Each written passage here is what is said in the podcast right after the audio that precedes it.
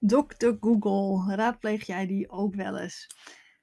Nou, want zeker minimaal één keer per week, heel veel vaker, eh, eh, krijg ik een mailtje of ik zie, nou bijna, nou ook echt een paar keer per week in de, in de Facebookgroep wel.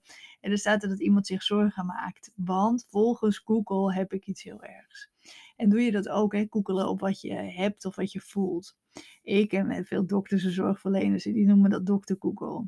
En gelukkig heeft deze dokter eigenlijk maar zeer, zeer zelden gelijk. Maar hij maakt je vaak wel heel erg bang.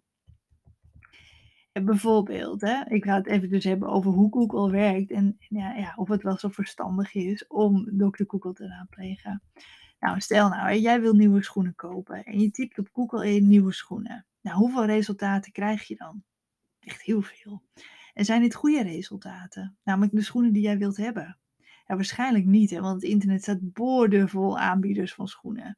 Hè, schoenen met hakken, hardloopschoenen, kinderschoenen, schoenen, sandalen, regelazen, van alles nog wat.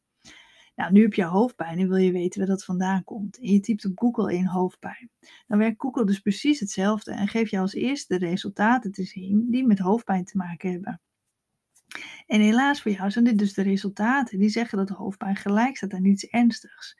En ik noem hoofdpijn en dat geldt natuurlijk voor alle klachten die je wel, wel eens googelt. Dus de volgende keer als jij twijfelt over je klachten, neem dan contact op met iemand van vlees en bloed, hè, zoals je huisarts of je therapeut. Die kent jou en heeft ervoor gestudeerd.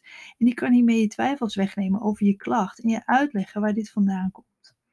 In die tijd die je wil besteden, die je wil besteden aan dokter Google, ga daarvoor in de plaats ontspannings- of een ademhalingsoefeningen doen. Dat is namelijk veel nuttiger. En dat dokter Google, dat, dat raadplegen we, maar we krijgen zoveel resultaten. Net als als je dus typt op schoenen, dat je heel veel soorten schoenen krijgt, maar degene die het hoogst uh, uh, score, dat is de, score waar het meest op geklikt wordt of waar het meest voor betaald wordt, want Google is heel veel advertenties. En dus dat gebeurt ook met degene die het beste zijn website op de orde heeft. Dus heel vaak zal je dus bij, als je bijvoorbeeld bij hoofdpijn, krijgen iets wat, wat dus niet past bij waar jouw klachten vandaan komt. Maar van alle klachten.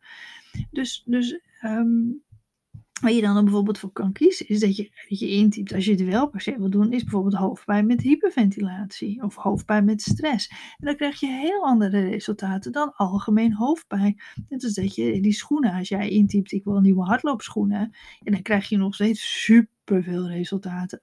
Maar wel al wat gericht op zijn hardloopschoenen en geen uh, laarzen of hakken of, of uh, kinderschoenen bijvoorbeeld dus maar liever geen Google gebruiken. Ga in die tijd die je besteedt iets anders doen, iets leuks doen, iets ontspannends doen. En neem contact op altijd met je eigen dokter of therapeut als je twijfelt over je klachten. Want dan krijg je een antwoord wat op jou gericht is, wat jou, uh, jouw klachten gewoon uh, omschrijft. Want die hebben ervoor gestudeerd, die hebben ervaring erin. En Google die geeft je gewoon alles dus dat, dat schiet niet op. Dus uh, als je het veel doet, alsjeblieft stop ermee. En of zoek heel gericht. Wist je bijvoorbeeld ook dat op mijn website staat een zoekbalk. En dus in plaats dat je naar Google gaat, ga je bijvoorbeeld naar mijn website en vul je in die zoekbalk in. Uh, dus bijvoorbeeld hoofdpijn. En dan krijg je de uitleg over hoofdpijn te zien. Zoek je op duizeligheid en dan krijg je alle uitleg over duizeligheid te zien. Dus je kan zeker zoeken op internet, maar zoek dan gerichter. En dat is natuurlijk gewoon belangrijk. En niet altijd alles geloven wat dokter Google je zegt, want 9 eh, van de 10 keer zal je juist in paniek raken. En dat is wat we natuurlijk willen voorkomen. Nou, bedankt voor het luisteren en uh, tot bij de volgende.